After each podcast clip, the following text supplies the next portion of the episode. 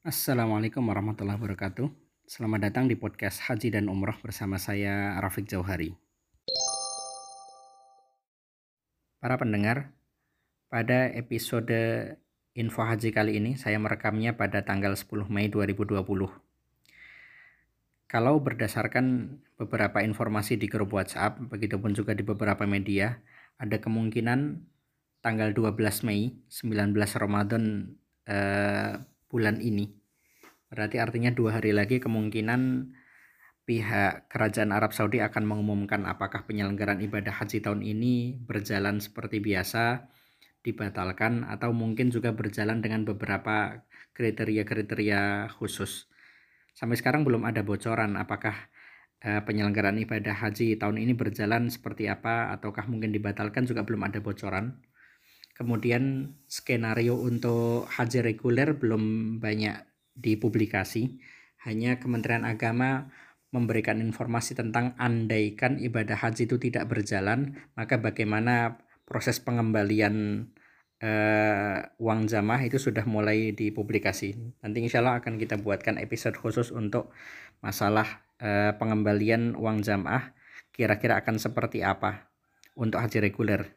Tapi untuk haji khusus justru uh, kami memperoleh informasi dari beberapa rekan uh, yang menjadi PIHK penyelenggara ibadah haji khusus tentang beberapa skenario andaikan ibadah haji tahun ini tetap berjalan maka kira-kira akan seperti apa uh, kebijakan-kebijakan khusus berkaitan tentang masalah kesehatan dan juga teknis-teknis yang lainnya.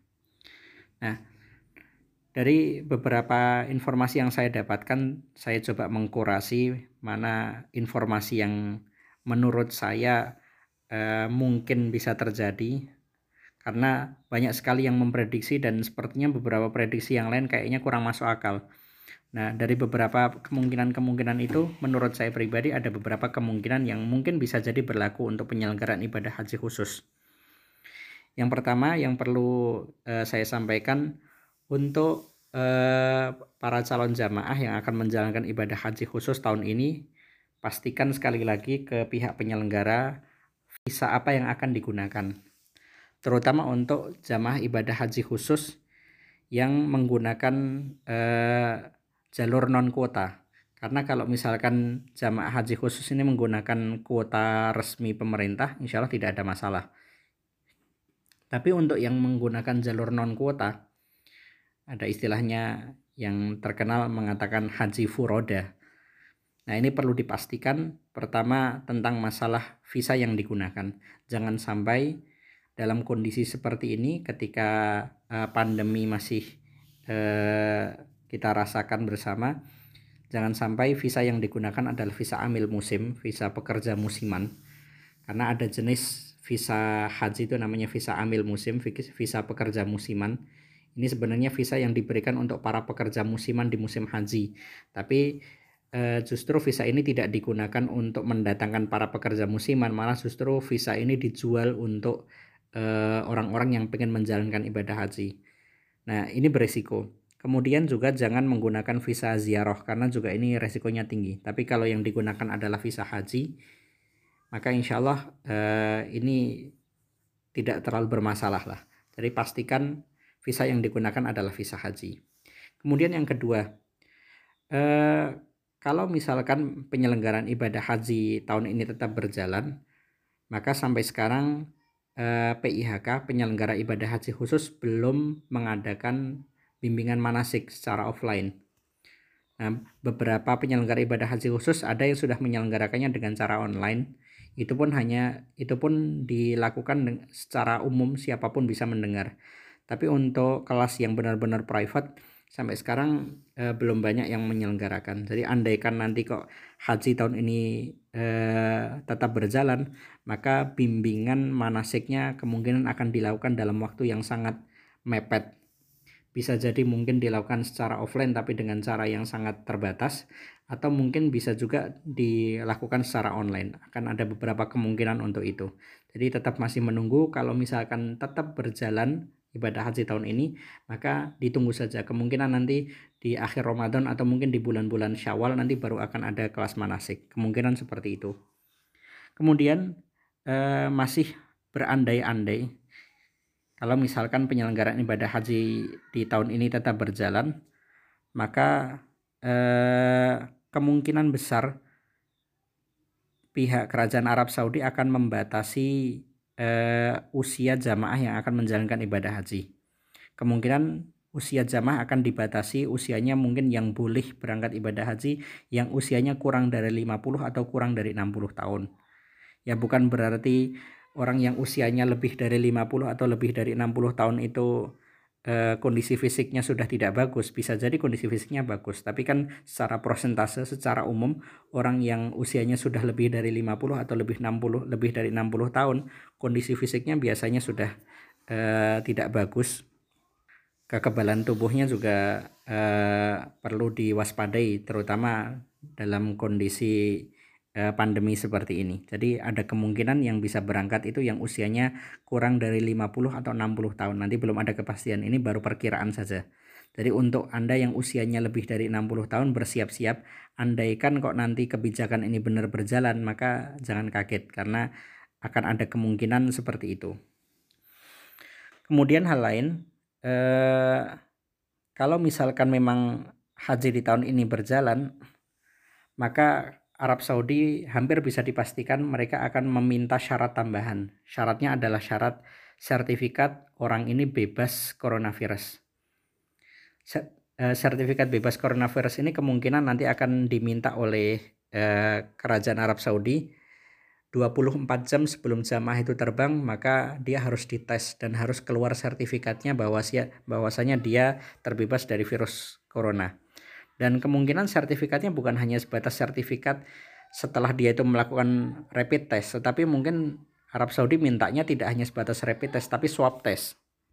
Kalau yang diminta itu adalah swab test, maka ini agak merepotkan juga, terutama untuk PIHK nanti harus bekerja sama dengan laboratorium khusus atau mungkin bekerja sama dengan uh, rumah sakit tertentu. Karena kalau uh, 24 jam sebelum terbang harus dites, maka eh, apakah pihak Indonesia itu mampu atau enggak? Karena selama ini eh, pengetesan di Indonesia itu antrinya lama. Dites sekarang keluar pengumumannya baru mungkin tiga atau empat hari yang yang akan datang. Biasanya seperti itu.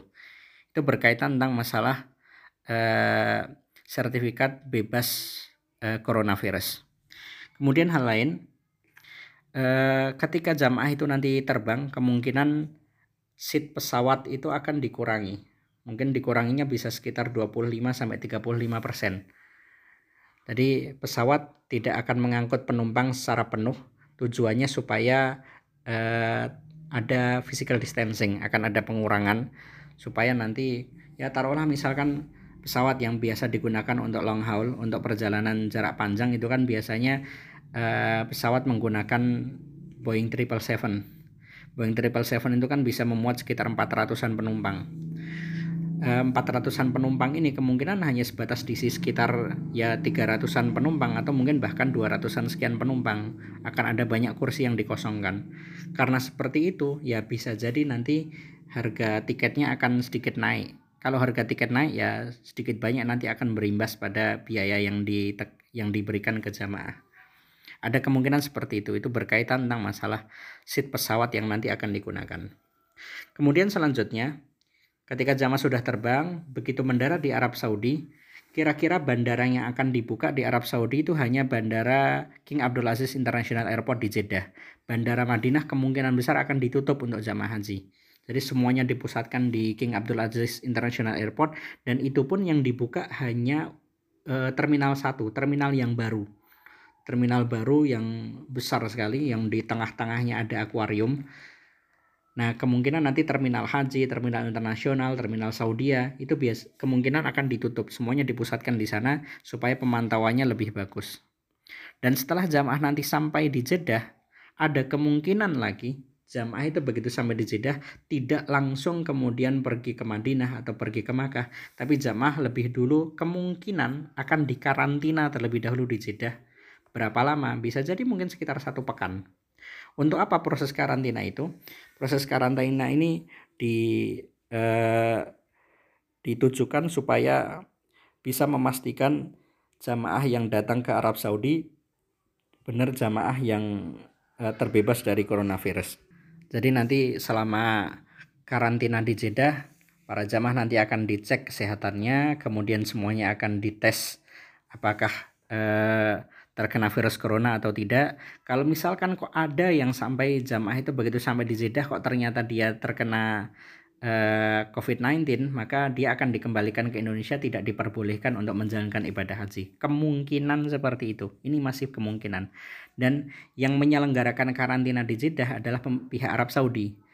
Nah, kalau biasanya sih standarnya Arab Saudi ketika melakukan proses karantina seperti ini, biasanya mereka akan menyediakan hotel bintang 5. Biasanya seperti itu harapannya sih. Ya jangan sampai di karantina di Jeddah eh, ternyata karantinanya malah justru ditempatkan di tempat-tempat yang nggak layak ya jamaahnya malah justru nah masuk angin nanti di sana karena pas musim panas kan ini. Itu berkaitan tentang masalah eh, jamaah ketika sampai di Jeddah kemudian akan dikarantina. Kemudian selanjutnya regulasi di Arab Saudi juga akan mulai mengatur untuk para jamaah yang datang di uh, Arab Saudi kamar-kamar hotel nanti akan disediakan hanya untuk kamar double atau maksimal mungkin kamar kamar triple. Jadi tidak ada lagi kamar yang kuat atau queen, kamar yang sekamar berempat atau sekamar berlima atau mungkin lebih dari itu, itu tidak ada. Tujuannya supaya untuk membatasi uh, supaya ada physical distancing jadi satu kamar hanya diisi dua atau tiga orang saja. Nah karena seperti itu maka pasti biaya hotel akan lebih mahal. Nah kemungkinan ini juga berimbas pada biaya yang harus dibayarkan jamaah. Ini beberapa kemungkinan-kemungkinan yang ada. Kemudian biasanya e, untuk makan jamaah haji khusus itu kan biasanya disediakan makanan benar-benar full service lah Jamaah tinggal pergi ke restoran hotel yang sudah disediakan. Pihak penyelenggara ibadah haji khusus sudah menyediakan makanan dalam bentuk prasmanan, tinggal ngambil menu Indonesia. Nah, tapi untuk eh, haji tahun ini kemungkinan makanan tidak diperbolehkan diberikan dalam bentuk prasmanan itu nggak boleh kemungkinan. Karena ketika diberikan dalam bentuk prasmanan ada resiko penularan di situ ketika antri, ketika saling bergantian sendok untuk mengambil nasi, mengambil sayur, atau jangan-jangan misalkan ada jamaah baru ngambil nasi, tiba-tiba bersin padahal dia uh, lagi positif corona kan bisa menyebar. Nah, untuk uh, menghindari uh, tertularnya uh, coronavirus melalui makanan, maka kemudian makanan jamaah haji kemungkinan akan diberikan dalam bentuk nasi kotak. Jadi sama seperti haji reguler. Selama ini haji reguler kan jamaah diberikan makanan entah itu di Makkah ataupun di Madinah diberikan dalam bentuk nasi kotak. Nah kemungkinan untuk haji khusus pun eh, akan dibagikan dalam bentuk nasi kotak juga untuk menghindari penularan virus corona. Kemudian ketika jamaah sudah sudah sampai di Makkah, kalau sebelumnya eh, penyelenggara ibadah haji khusus travel pihak travel itu bisa menginapkan jamaah selama di Makkah itu bisa mungkin sekitar 20 hari atau mungkin hampir satu bulan selama di sana. Tapi untuk eh, tahun ini kemungkinan jamaah akan eh, diperbolehkan stay di Makkah, tinggal di Makkah itu nggak lama. Paling pol, paling paling lama itu mungkin eh, dua pekan lah.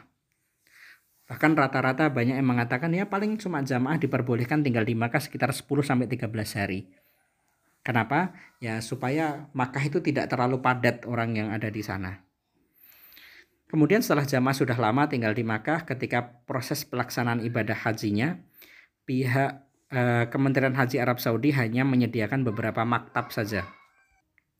Jadi nanti tenda-tenda di Arafah untuk pelaksanaan wukuf itu nanti tendanya akan terbatas entah nanti pembatasannya apakah jumlah tendanya yang dikurangi atau mungkin tendanya tetap banyak tetapi eh, apa namanya satu tenda yang seharusnya diisi 200 jamaah tapi hanya diisi 100 kurang tahu nanti akan seperti apa. Intinya nanti karena jumlah jamaah nanti akan dikurangi maka kemudian maktab-maktab itu jumlahnya juga akan dibatasi. Kemudian selanjutnya yang agak menyedihkan kalau yang sebelumnya itu kan hanya sebatas masalah fasilitas, hanya sebatas masalah teknis. Tapi nanti di antara yang dikorbankan dalam hal lain itu adalah masalah mabit di Musdalifah dan Mina. Padahal mabit di Musdalifah, mabit di Mina itu kan termasuk salah satu di antara wajib haji. Ketika kita meninggalkan mabit di Mina, itu maka kita terkena dam. Kita harus membayarkan denda, kita harus menyembelih kambing karena di antara wajib haji itu tidak terpenuhi. Nah, kemungkinan untuk penyelenggaraan haji tahun ini, jamaah kemungkinan besar tidak diberikan kesempatan untuk menginap bermalam di Mina dan juga di Musdalifah. Ada kemungkinan besar seperti itu. Tapi kalau wukuf di Arafah nggak mungkin dibatalkan. Wukuf di Arafah tidak mungkin dibatalkan karena wukuf di Arafah termasuk rukun haji. Kalau meninggalkan wukuf di Arafah ya hajinya tidak sah. Tapi kalau meninggalkan mabit di Musdalifah, meninggalkan mabit di Mina, hajinya tetap sah. Tapi eh, orang yang meninggalkan itu diberikan eh, diberikan denda harus menyembelih kambing. Ini yang menyedihkan berkaitan tentang masalah penyelenggaraan ibadah haji khusus ya, penyelenggaraan ibadah haji karena eh, jamaah tidak diberikan kesempatan untuk mabit di Musdalifah dan Mina. Tapi untuk melempar jumrohnya, melempar jumroh tidak dibatalkan, tidak dibatasi. Tapi karena jamaah ketika waktu mabit di Mina dan mabit di Musdalifah itu mereka akan diinapkan di apartemen. Allah alam nanti bagaimana fatwa ulama ketika menjelaskan tentang permasalahan mabit di Mina dan di, dan di Musdalifah. Kalau mabit di Musdalifah kemungkinan tetap ditinggalkan karena memang eh, di sekitar Musdalifah tidak terdapat banyak apartemen yang bisa disediakan. Tapi kalau mabit di Mina, kemungkinan nanti pihak penyelenggara ibadah haji khusus akan mencarikan apartemen yang letaknya dekat dengan eh, Aziziyah. Bisa jadi eh, dekat dengan Mina. Bisa jadi nanti apartemennya itu ada di daerah Shishah. Shishah itu eh, dekat dengan Dakar eh, Dakar Republik Indonesia Dakar Jamaah Haji yang ada di Makkah itu eh, tempatnya dekat sekali dengan eh, Jamarot di Mina. Atau bisa juga penyelenggara ibadah haji khusus nanti akan menyewakan apartemen yang posisinya itu ada di daerah Aziziyah Syamaliyah mungkin di arah-arah belakang Haddad itu di sekitar sana ada banyak apartemen. Kemungkinan bisa jadi tinggalnya di sana Nah, ketika jamaah haji itu tinggalnya itu di Aziziyah Syamaliyah atau di Shisha, padahal itu sudah di luar Mina, apakah nanti para ulama menghukumi itu sebagai perluasan Mina? Kalau itu dihukumi sebagai perluasan Mina, maka tidak perlu membayar dam untuk hal ini. Tapi kalau itu dihukumi tetap itu di luar Mina, maka ya harus membayar dam. Nanti kita tunggu fatwa ulama berkaitan tentang masalah nanti menginap di apartemen seperti apa. Karena memang lokasi apartemen itu sangat dekat sekali dengan Mina, walaupun itu posisinya sudah di luar Mina.